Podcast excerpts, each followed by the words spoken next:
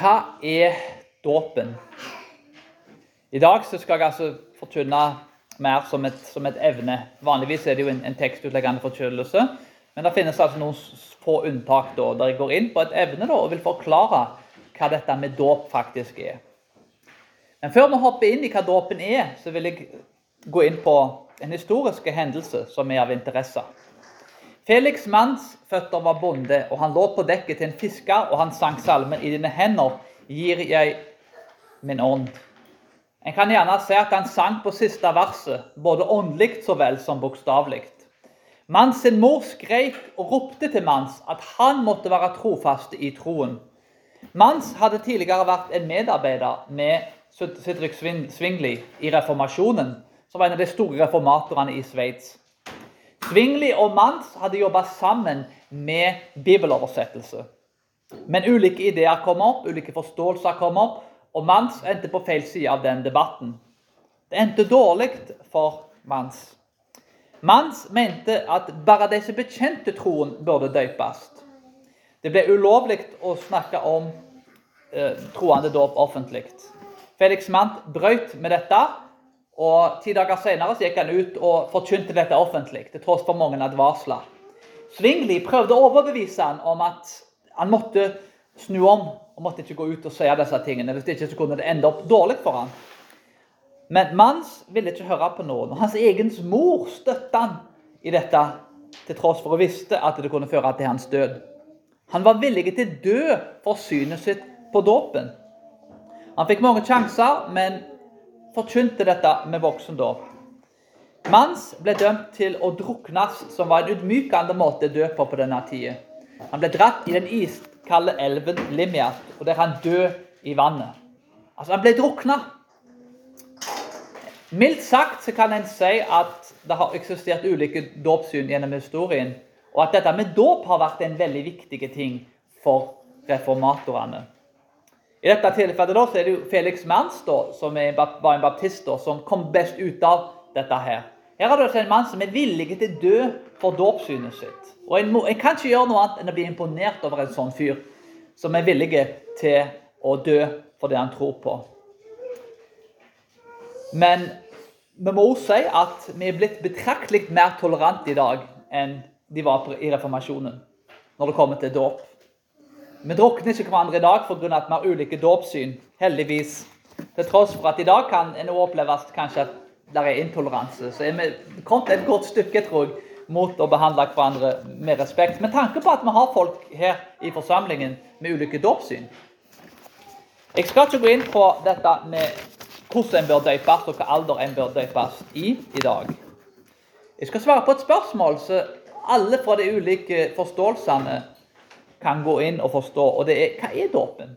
Jeg tror vi kan være, i stor grad kan være enige om hva dåpen er. Mens de andre spørsmålene kan en ta en annen gang. Så Jeg ønsker oss i dag å forklare hva er dåpen. Og jeg ønsker å legge fram 11 punkter, eller 12 punkter faktisk. Det endte opp med 11, men så la jeg til et tolvte punkt. Så det ble et sånn bibelsk tall der.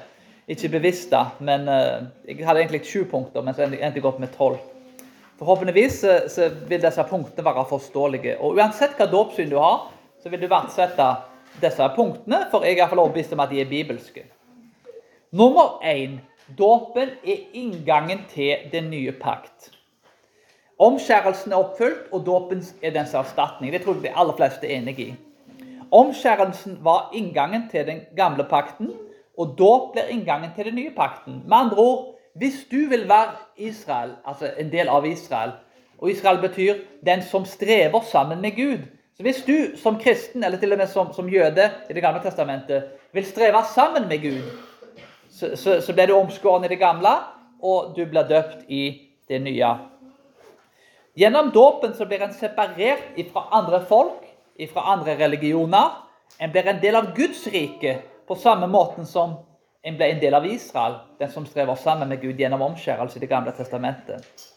Den beste måten synes jeg da, å forstå dette på, er gjennom Det gamle testamentet, gjennom utvandringen.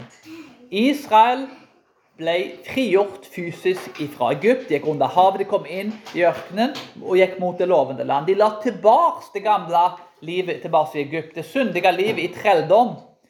De la tilbake det livet pga. at de skulle leve et nytt liv i Herren, der de ble helliggjort i Hans lov. Havet, dåpen, er noe som skilte de av fra disse tingene. Og Paulus bruker faktisk bokstavelig talt i 1. Korinterbrevet kapittel 10 ordet at de ble døpt i havet.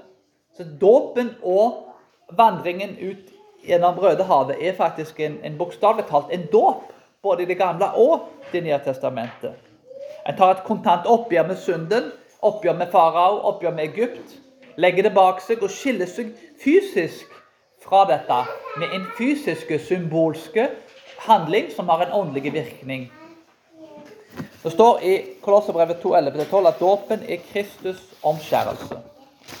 Så Hvis du skal bli en del av Guds pakt, så må en òg ha pakttegnet. Og dette skjer da gjennom dåp i Det nye testamentet for oss da, som er kristne. På samme måte som det var omskjærelse i Det gamle testamentet. Og som vi leste i første, om i første Mosebok kapittel 17, så er det altså en evig pakt. Det er en evig pakt. Det er ikke noe som vil slutte å eksistere, men det er en evig pakt. Og Det bringer oss til det andre punktet. Dåpen er et tegn som administreres synlig, men har usynlige eller åndelige fordeler. Vi forstår synlige og symbolske ting bedre. Det fysiske hjelper oss å forstå det åndelige. Hvis alt hadde vært åndelig uten at denne fysiske, konkrete tingene forholdt seg til, så hadde en ikke forstått det. Derfor hadde jo israelittene bl.a. et tabernakel, et tempel.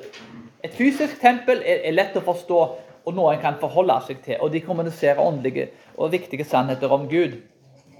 På samme måte er dåpen et sakrament som er fysisk, symbolsk, men som har en åndelig funksjon eller virkning. Vi får Guds nåde gjennom dåpen. Vi blir vaska rene, rensa, og vi blir vaska rene for urettferdighet og urenhet. Våre hjerter blir fornya med godhet, og vi blir et nytt menneske der det andre og det gamle blir lagt bort. Dåpen er et tegn og et segl av nådens pakt ordinert av Jesus Kristus.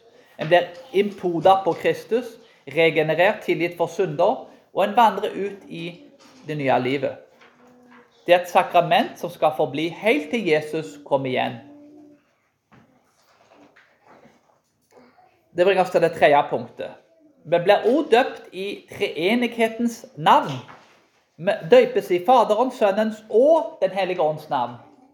Dette betyr at dåp som utføres av den som tror på treenigheten, kan være gyldige uavhengig av en, en annen teologi. Det finnes unntak, men en sånn tommeregel kan være at det, hvis noen holder til de historiske bekjennelsene, den apostolske, nikenske kanskje, og kalsedeon Hvis noen holder til de bekjennelsene, så er det sannsynlig at de har samme forståelsen av treenigheten som vi har, og det gjør dåpen gyldig.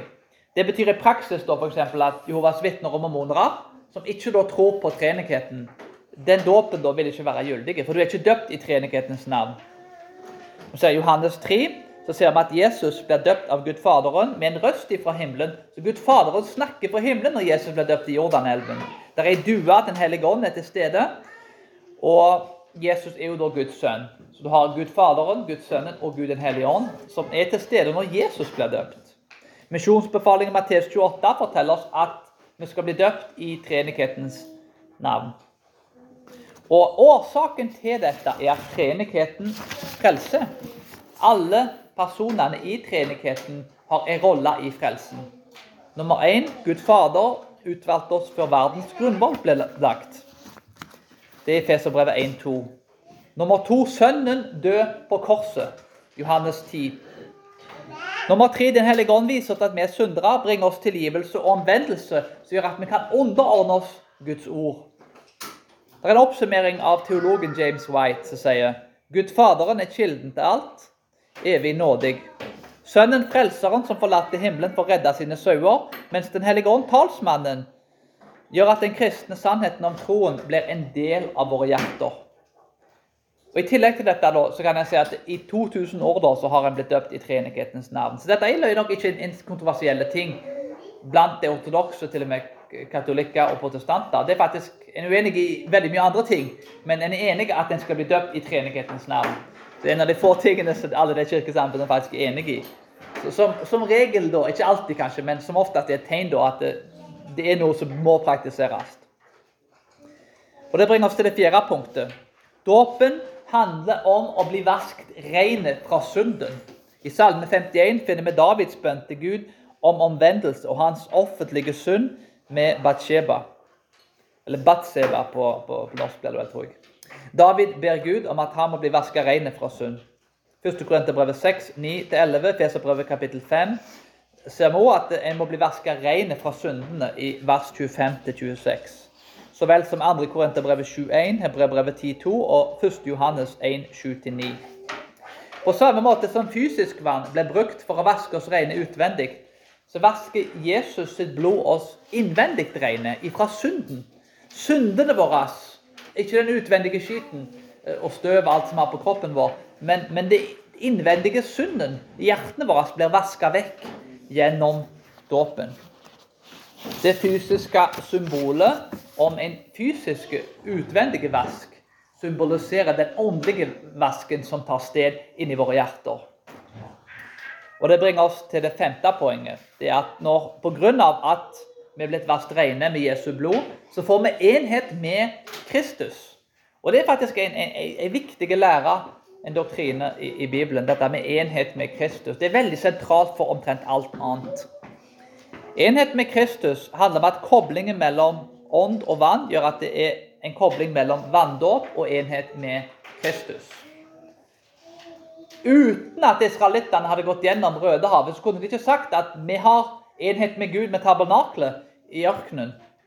Til tross for vi fortsatt i Egypt. Nei, de måtte gå gjennom havet for å få den enheten og legge det gamle livet tilbake. De kunne ikke vært slaver og tilbedt Gud i tabernaklet i ørkenen.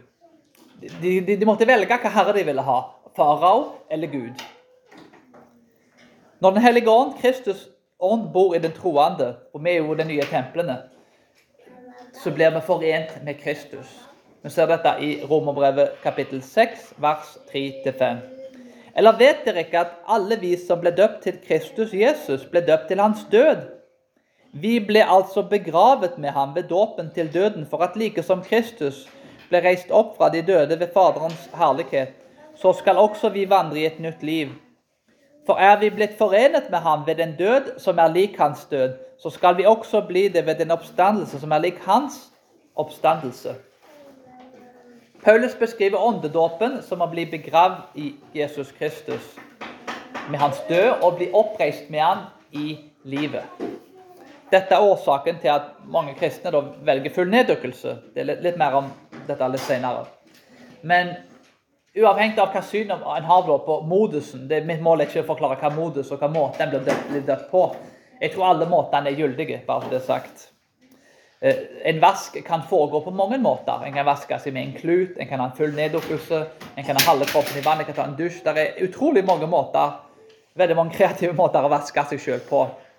En annen ting å ha i minne òg, hvis noen av dere har vært i Israel når jeg, Ofte så tenker en at den blir gravlagt under bakken, og at en skal bli begravd med Jesus. Men i Israel, hvis dere går på den plassen der Jesus sin grav er, så går du faktisk inn i graven. Graven ligger faktisk på bakkenivå. Altså, det var derfor en stor stein ble rulla foran. Så du går faktisk ikke ned i graven, du går inn i graven.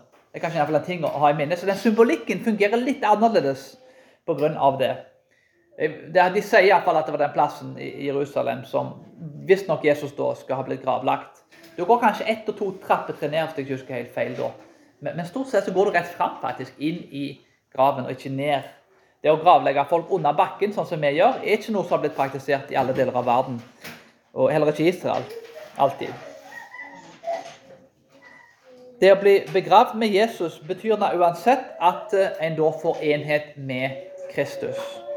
Og igjen, symbolikken her kan gjennom kirkehistorien ha vært gjennom skvetting, det har vært gjennom full neddukkelse, eh, og noen ganger med ausing.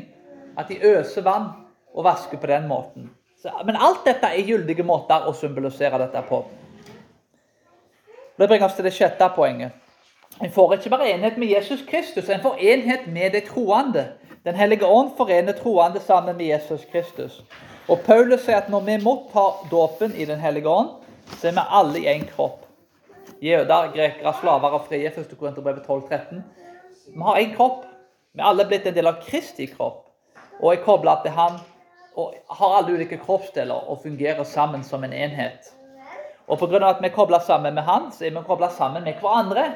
Vi har enhet med andre troende. Vanndåp illustrerer dette, at vi har blitt døpt inn i Jesus Kristus. Og derfor teknisk sett så har vi fellesskap med alle som er døpt i Jesus Kristus. Over hele verden. Det er en viktig ting å huske på at til og med om noen ikke er en del av vårt kirkesamfunn, kanskje vår kirke, så, så, bør en likevel jobbe for enhet. Om en ikke har samme institusjonen, så kan en jobbe for enhet på andre måter. For sannhet kan noen ganger splitte, men det bør òg være noe som forener folk.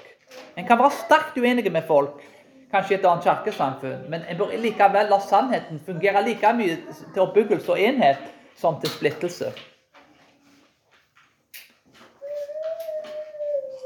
Og Det bringer oss til det sjuende punktet. Dåpen er noe Gud kommanderer oss å gjøre.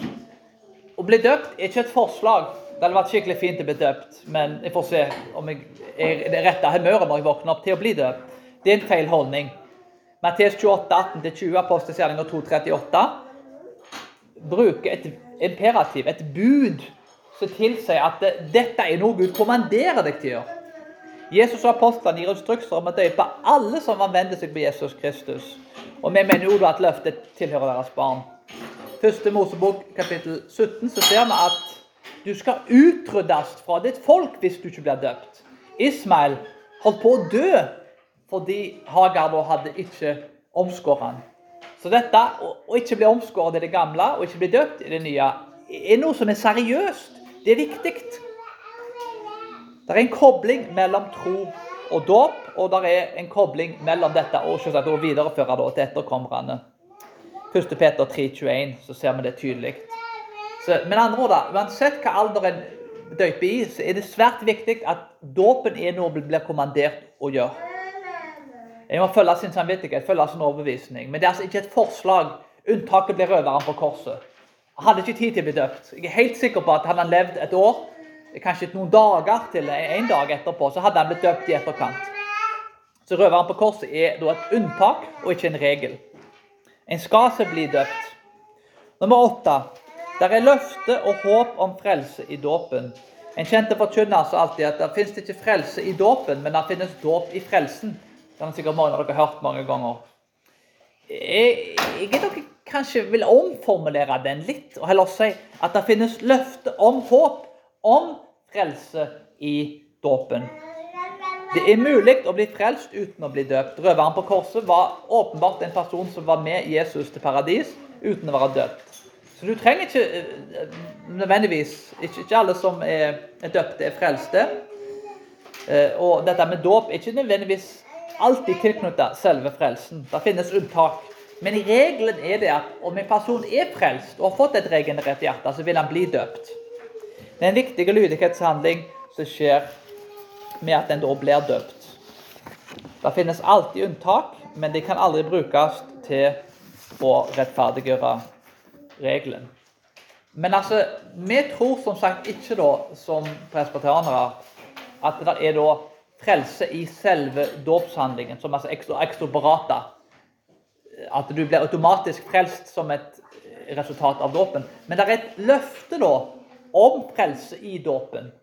Jeg vet ikke hvem som vil vandre med Herren om 50 år. Men jeg vet at det er løfter om at hvis en følger Gud, så vil han svare og være trofast mot de løftene som han ga. Så en gjør det i en lydighetshandling, og det er Gud som vil bevare folk til enden. Det er ikke min jobb, og det er ikke noen andre sin jobb heller. Det er Gud som vil høste inn sjelene på dommens dag, ikke jeg eller ikke noen andre. Det er Jesus Kristus som vil komme tilbake og gjøre alle disse tingene. Så vi har et løfte, da, et håp om frelse i dåpen. Vi har et, et sitat fra Bavink, den store teologen Herman Bavink, som sier at dåpen effektiviserer ikke frelsen, men han styrker den. Dåpen effektiviserer ikke frelsen, men han styrker den. Med andre ord, du blir ikke regenerert, du blir ikke født på nytt i selve dåpshandlingen, men du styrker og bekrefte den troen som du allerede da har fått. Eh, enten du har fått det sjøl, eller at du som foreldre gjør det på vegne av dine barn. Moses og israelittene hadde tro på Gud før de gikk inn i Rødehavet. De hadde tro på Gud. Gud hadde gjort et verk i hjertene deres før de gikk gjennom havet. Men når de gikk gjennom havet, så fikk de en ytre bekreftelse på det som hadde skjedd inni dem, det Gud allerede hadde gjort. Etter dåpen da, så kan en gå inn i et liv og få et bekreftelse av et liv med Gud, men et liv da som også preger av fristelser, på samme måte som israelittene ble frista i ødemarken. Og I tillegg til dette da, så finnes det noe som, som jeg kategoriserer da, som en synlige og usynlige kirke. Den synlige kirka er alle døpte og deres barn. Og det usynlige er det som Gud har utvalgt, og det på dommens dag da vil forbli i frelsen. Men om folk bekjenner Jesus Kristus, så, så, vil vi behandle alle som kristne. Men vi kan ikke vite hvem Gud vil, vil bevare til slutten. Men vi tror at hvis en bekjenner Jesus Kristus, så har han lovt at han vil bevare oss til enden. Så vi har en forsikring og en, en, en sikkerhet om at vi vil forbli frelst. Kirkens folk vokser sammen til dommedag, og Jesus vil avgjøre hvem som går inn i evigheten. En må da ha visse frukter som er dåpen verdige. Og igjen, Jeg vet som sagt ikke hvor, hvor, hvor grensa går og hvor ikke går. Jeg tror som sagt at jeg kan hvile og være trygge på at når vi bekjenner Jesus og jobber med å ta et oppgjør med sin egen synd, at vi har en, en, en ro, en indre fred i hjertene våre. At han vil bevare oss helt til enden. Og det er noe vi må sette vår lit til. Nummer ni dåp som et tegn og et segl. Westminster, Westminster sin store katekisme 165 Altså det er sagt at Katekismen oppsummerer Bibels teologi. Hvis jeg skulle gå inn på hvert vers, her, så hadde jeg brukt en hele preken bare på ett punkt. Men, men, det som er fint med katekismen, er ikke at det, det er ikke erstatning for Bibelen. Og, og, Bekjennelsen vår er dypt i bibelvers. Det er utrolig utrolig mange bibelreferanser til alt som blir sagt. Så De henter ikke påstander ut av løse luften. Men, men, det er en veldig fin måte å oppsummere ting på. Og Hvis du skal finne ut av ting og lese Bibelen gjennom hele Bibelen hver gang for å finne et svar, så, så bør du ha mange timer i løpet av en dag da, og ha mye fritid. Vestminster store katekisme 165 sier Dåpen er et sakrament av Det nye testamentet, der Kristus har ordinert vasking av vann i navnet til Faderen, Sønnen og Den hellige ånd, som et tegn og et segl innpoda i Han sjøl for syndenes tilgivelse av Hans blod, regenerering av Hans ånd og adoptering og oppstandelse inn i det evige liv, der begge partier blir døpt og akseptert i den synlige kirka, og blir en del av en åpen bekjennelse som der en da er fulgt Herrens. Dåpen er altså her et sakrament. Og Vestminster-bekjennelsen eh, 27.1 sier at det er et hellig tegn og segl på nådens pakt. Dåp blir da et tegn og et segl på nådens pakt, der en mottar treenigheten, at den blir vaska rein i treenighetens navn. Og dåpen gir en del fordeler. Det er mange fordeler med å bli døpt, som vi ser her. Dette tegnet og seilet er med å symbolisere andre ting som er større, og en del fordeler som en får. Det er flere fordeler en får av dette. Den som blir døpt, er nå en del av den synlige kirka. Som betyr da du er en del av kirka, alle de troende og deres barn. En er nå separert ifra verden under Jesus Kristus' nøytralitet og hans kirke. En er fullt Herrens. En tilhører Herren. Nummer to. Dåpen er et tegn og et segl der en får Jesus Kristus sine fordeler som mellommann. Det er et sitat fra Benjamin Warfield. og Han sier dåp, akkurat som omskjærelse, er en gave fra Gud til sitt folk, ikke fra folket til Gud. Abraham brakte ikke omskjærelse til Gud. Han mottok den fra Gud. Gud ga den til ham som et tegn og et segl, ikke for andre, men for ham. Det er derfor ikke ukorrekt å si at dåpen er et merke av en kristen persons bekjennelse. Vitnesbyrdet til dåpen er ikke andre enn oss selv. Og det er ikke av oss, men av Guds vitnesbyrd er født. Det er en veldig fin måte å oppsummere det på. Så En må altså ha dette tegnet og, en, seglet hvis en da skal bli regnet som å være en del av Guds folk. Og Det bringer oss til det tiende punktet. Vanndåp og åndedåp går sammen. Det er ulike meninger sikkert om dette, men i pinsen finner vi altså i Apostelens gjerning 1.5 der um, dette med åndedåp og vanndåp er, er, noe som blir kategorisert. I Romerbrevet 8.9 så står det at den som ikke har Kristus ånd, den hører ikke han til.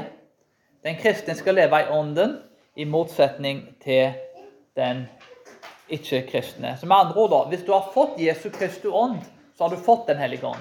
En kan bli kontinuerlig fornya i Den hellige ånd, bli fulgt av Den hellige ånd.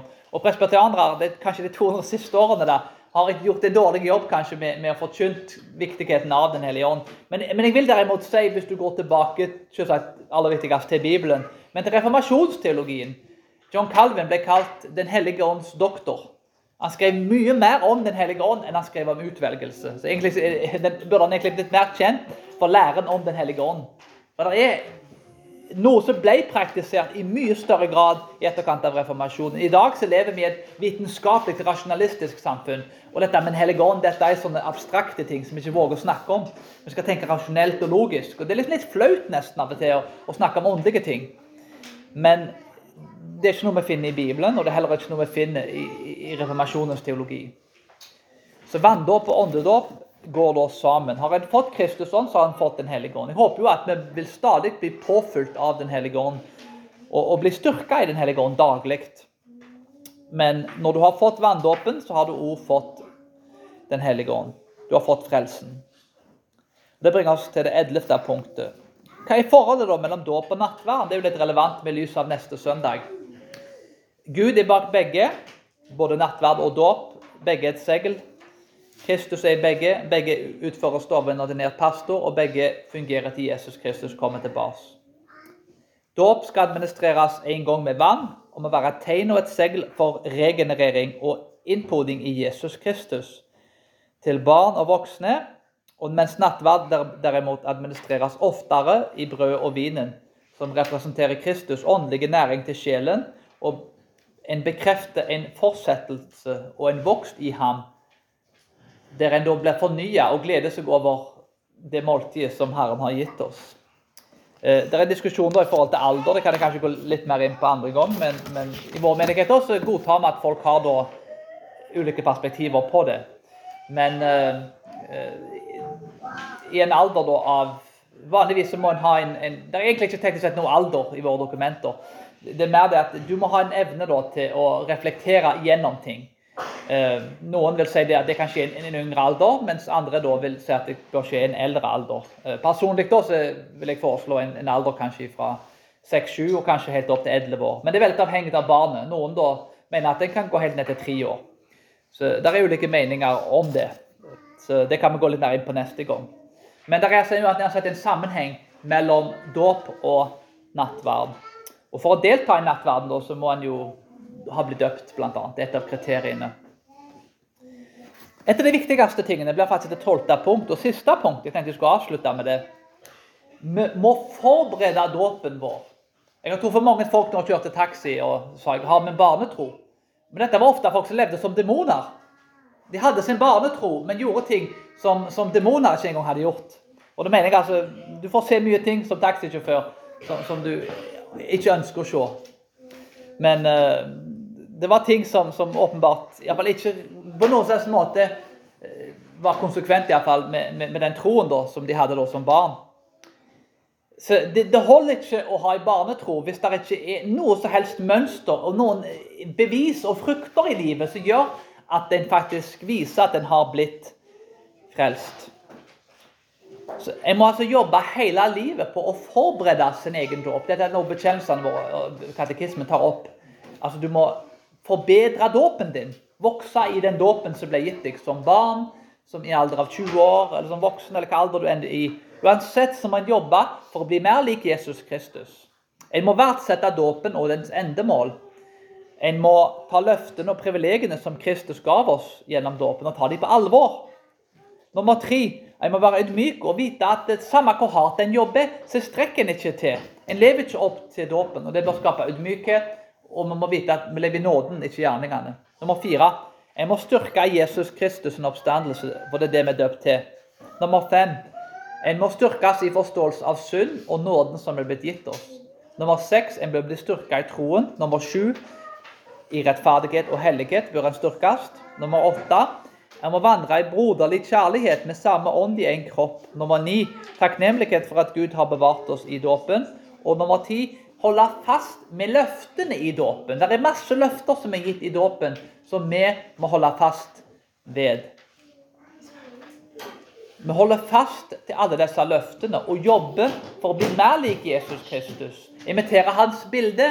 Og Hvis det har gått ti år siden du ble døpt, og livet ser identisk ut, så, er det en del spørsmål som må stilles. Hvis den ikke har vokst på ti år åndelig, hvis den står statisk i ro Det var en som sa du kan ikke stå i ro som kristen. Enten så går du tilbake, eller så går du fram.